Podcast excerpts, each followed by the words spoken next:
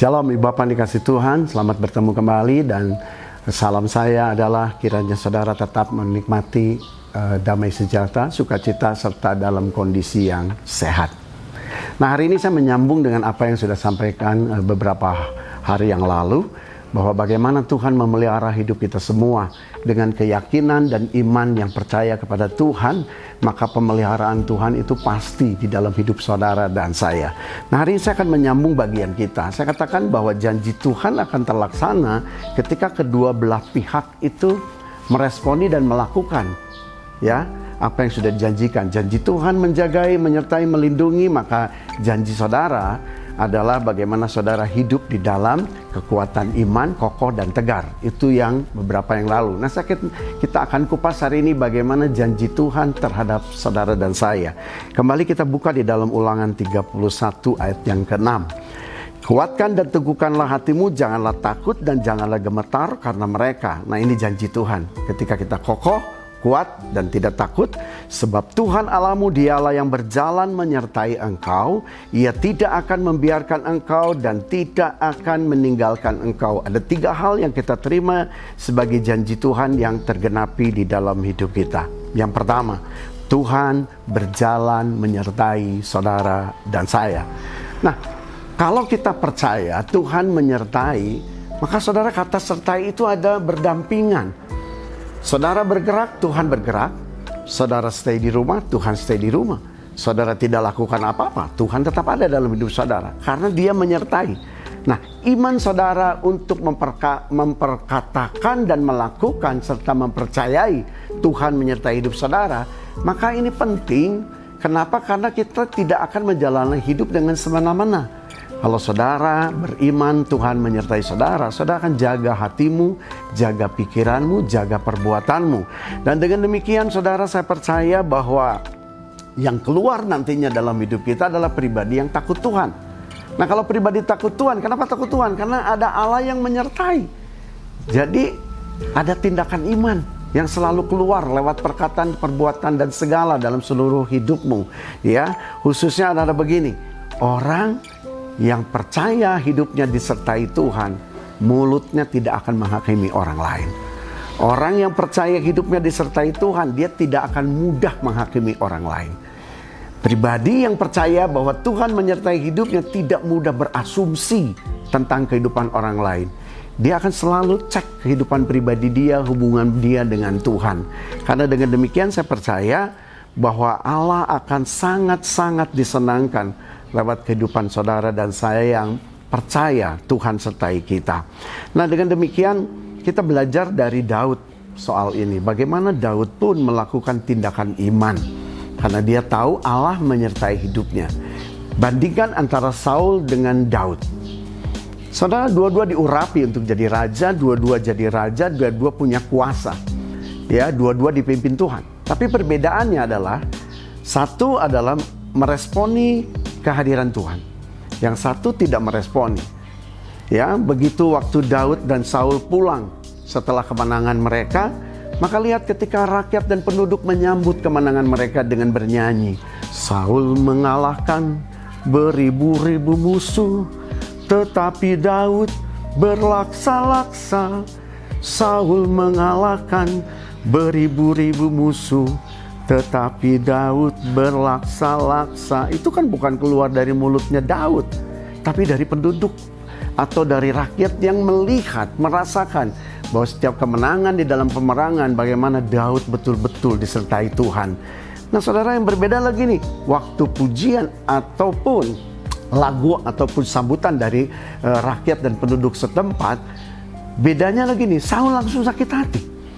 Sejak itu dia mendendam kepada Daud dan berusaha untuk membunuh Daud. Ya, sehingga Alkitab tulis gini, sekali waktu ada kesempatan dia sampai lempar lembingnya untuk bunuh Daud. Nah, mari kita lihat pribadi Daud yang disertai Tuhan. Karena dia mengerti bahwa Tuhan menyertai dia, dia sampai tulis begini, jangan sampai ganggu orang yang diurapi Tuhan. Dan sekali waktu di gua, di tempat dia mengasingkan diri, kemudian dia ketemu dengan Saul diam-diam, sebetulnya dia punya kesempatan untuk membunuh, tapi dia tidak lakukan. Kenapa? Karena dia tahu Allah ada menyertai hidup dia. Dia tidak lakukan itu karena dia tahu Saul pun adalah bagian dari rencana Tuhan. Nah dari saat itu mari kita melihat begini bagaimana Daud bisa berhasil untuk tidak melakukan ya emosi dia, kehendak pribadi dia, tapi dia tetap ada di dalam rencana Tuhan. Di dalam 1 Samuel 18 ayat 14 berkata begini, Daud berhasil di segala perjalanannya sebab Tuhan menyertai dia. Jadi artinya penyertaan Tuhan yang membuat Daud berhasil, berhasil, berhasil, dan berhasil. Dan hari ini bagaimana dengan saudara dan saya? Apakah setiap keberhasilan di dalam hidup saudara dan saya itu karena kita punya iman dan keyakinan bahwa Tuhan menyertai hidup kita? Ya. Kemudian yang kedua, saudara, Yesus atau Tuhan berkata begini janjinya, Ia tidak akan membiarkan engkau Kata membiarkan adalah begini, saudara, Tuhan sangat konsen dalam hidup saudara dan saya Tuhan sangat peduli. Dia tidak biarkan hidup saudara jatuh di dalam dosa. Dia tidak biarkan hidup saudara bergumul seorang diri. Tuhan selalu betul-betul perhatikan hidup saudara. Di dalam Ibrani 13 ayat 5b dikatakan begini. Karena Allah telah berfirman, aku sekali-kali tidak akan membiarkan engkau. Kata sekali-kali artinya tidak pernah. Jadi Allah tidak akan pernah dikatakan untuk membiarkan hidup saudara dan saya berjalan seorang diri. Nah dalam hal ini kita percaya sejak Allah menciptakan alam ini termasuk saudara dan saya. Dia bukan hanya dikenal sebagai uh, pribadi pencipta tapi dia juga sebagai pribadi yang memelihara hidup saudara dan saya. Nah, hari ini kita mau belajar bersama-sama supaya kita betul-betul berdiri sebagai pribadi yang berdiri sebagai orang percaya, disertai Tuhan, tidak ditinggalkan Tuhan, tidak dibiarkan Tuhan. Nah, Ibu Bapak, Allah tidak pernah biarkan kita berjalan seorang diri kan di dalam menghadapi hidup ini. Nah, dengan cara apa? Berbagai cara. Kalau kita memiliki hubungan yang baik, hubungan yang erat dengan Tuhan, saudara akan sangat peka. Ya, bagaimana Tuhan bisa berbicara lewat berbagai kondisi dan situasi. Nah, hari ini kita mau belajar dari apa yang Yesus lakukan. Ya, ketika Tuhan sendiri sebagai Bapa tidak membiarkan Tuhan Yesus. Jadi katakan begini di dalam Yohanes 8 ayat 29. Dan ia yang telah mengutus aku, ia akan menyertai aku. Sama kan? Kemudian ia tidak membiarkan aku sendiri. Ya, sebab aku senantiasa berbuat apa yang berkenan kepadanya. Jadi ternyata artinya kalau saudara dan saya ingin merasakan penyertaan Tuhan, ingin merasakan bagaimana saudara tidak dibiarkan seorang diri berjalan, ya, saudara harus hidup berkenan di hadapan Tuhan. Nah, kita tulis kapan kita melakukan perkenanan Tuhan? Sekarang. Lakukan. Nah, saya menemukan arti perkenanan Tuhan itu sebetulnya simpel. Nggak usah yang hebat-hebat. Tapi dalam seluruh hidupmu belajarlah untuk menyenangkan hati Tuhan. Apa saja. Lewat perkataan, perbuatan, tindakan kehidupanmu. Di mana pun engkau berada. Apa pun yang kau lakukan, dasari dengan menyenangkan hati Tuhan. Nah saya mau ambil satu ayat, Ibu Bapak yang dikasih Tuhan. Bagaimana di dalam kisah Rasul 13 ayat 22 ini tetap berbicara tentang Daud ya. Setelah Saul disingkirkan, Allah mengangkat Daud menjadi raja mereka. Tetapi Daud tentang Daud Allah telah menyatakan, "Aku telah mendapat Daud bin Isai seorang yang berkenan di hatiku dan yang melakukan segala kehendakku." Nah, di dalam terjemahan yang lain Alkitab tulis begini, Allah mengangkat Daud menjadi raja mereka tentang Daud. Perhatikan di sini, Allah telah menyatakan aku telah mendapat Daud bin Isai seorang yang menyenangkan hatiku. Kata berkenan di hadapan Tuhan di dalam terjemahan lain berbicara menyenangkan hati Tuhan. Bagian kita adalah senangkan hati dia. Maka itulah perkenanan yang Tuhan cari dalam hidup saudara. Dan kemudian dikatakan dan akan melaksanakan. Jadi ternyata sesuatu yang menyenangkan hati Tuhan tidak akan jauh dengan apa yang saudara lakukan sesuai dengan kehendak Tuhan. Jadi segala sesuatu yang lakukan dalam pelayanan, kalau itu untuk Tuhan, segala kehendak Tuhan saudara lakukan, itu pasti menyenangkan hati Tuhan. Saudara hari ini dipakai menjadi pembicara, menjadi WL, singer, pemain musik. Tapi kalau saudara lakukan bukan menyenangkan hati Tuhan, itu berarti di luar kehendak Tuhan. Tapi ketika saudara terus lakukan hanya untuk menyenangkan hati Tuhan, dasar utamanya, saudara sedang melakukan kehendak Tuhan. Itulah perkenanan. Yang ketiga yang terakhir, Janji Tuhan dia tidak akan meninggalkan saudara. Di dalam Ibrani 13 ayat 5b-nya dan aku sekali lagi, ya sekali-kali, sorry, sekali-kali itu artinya tidak pernah tidak akan meninggalkan engkau. Jadi Tuhan tidak akan pernah meninggalkan hidup saudara dan saya. Nah, saya ambil di dalam kamus bahasa Indonesia eh, bahasa Indonesia arti meninggalkan gini, membiarkan lepas, melepaskan, membuang, membiarkan pergi dan menghindar. Saudara lihat pribadi Tuhan tidak seperti itu. Saudara melakukan pelanggaran, Tuhan tidak lepaskan saudara. Dia tetap tunggu saudara untuk saudara bertobat. Saudara sampai jatuh dosa sekalipun Tuhan tidak buang. Tapi saudara dianggap sebagai anak hilang. Ketika saudara menyadari saudara salah dan saudara bertobat, datang kembali minta pengampunan kepada Tuhan. Tuhan terima itu. Nah, dan saya percaya inilah satu hal yang seharusnya kita mempercayai bahwa kita punya pribadi yang luar biasa. Allah yang kita sembah dalam nama Yesus adalah pribadi yang tidak pernah meninggalkan hidup saudara. Nah, mungkin pertanyaannya banyak orang bertanya begini. Kalau Tuhan tidak pernah tinggalkan hidup kita, kenapa Tuhan izinkan proses? Saudara, proses bukan berarti Tuhan ingin menghancurkan hidup saudara. Proses bukan berarti Tuhan meninggalkan saudara. Tapi justru proses itu membuat Tuhan hadir untuk menolong saudara mengenal pribadi dia lebih lagi. Lewat proses saudara mengenal pribadi Tuhan yang punya kuasa, punya kasih ya untuk tetap ada di dalam kehidupan saudara.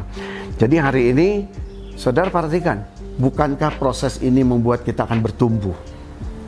Tadi pagi kami berdoa di dalam doa bersama setiap hari ada pertumbuhan iman yang kita uh, nyatakan adalah justru lewat proses. Tadi ibaratnya pohon tumbuhan.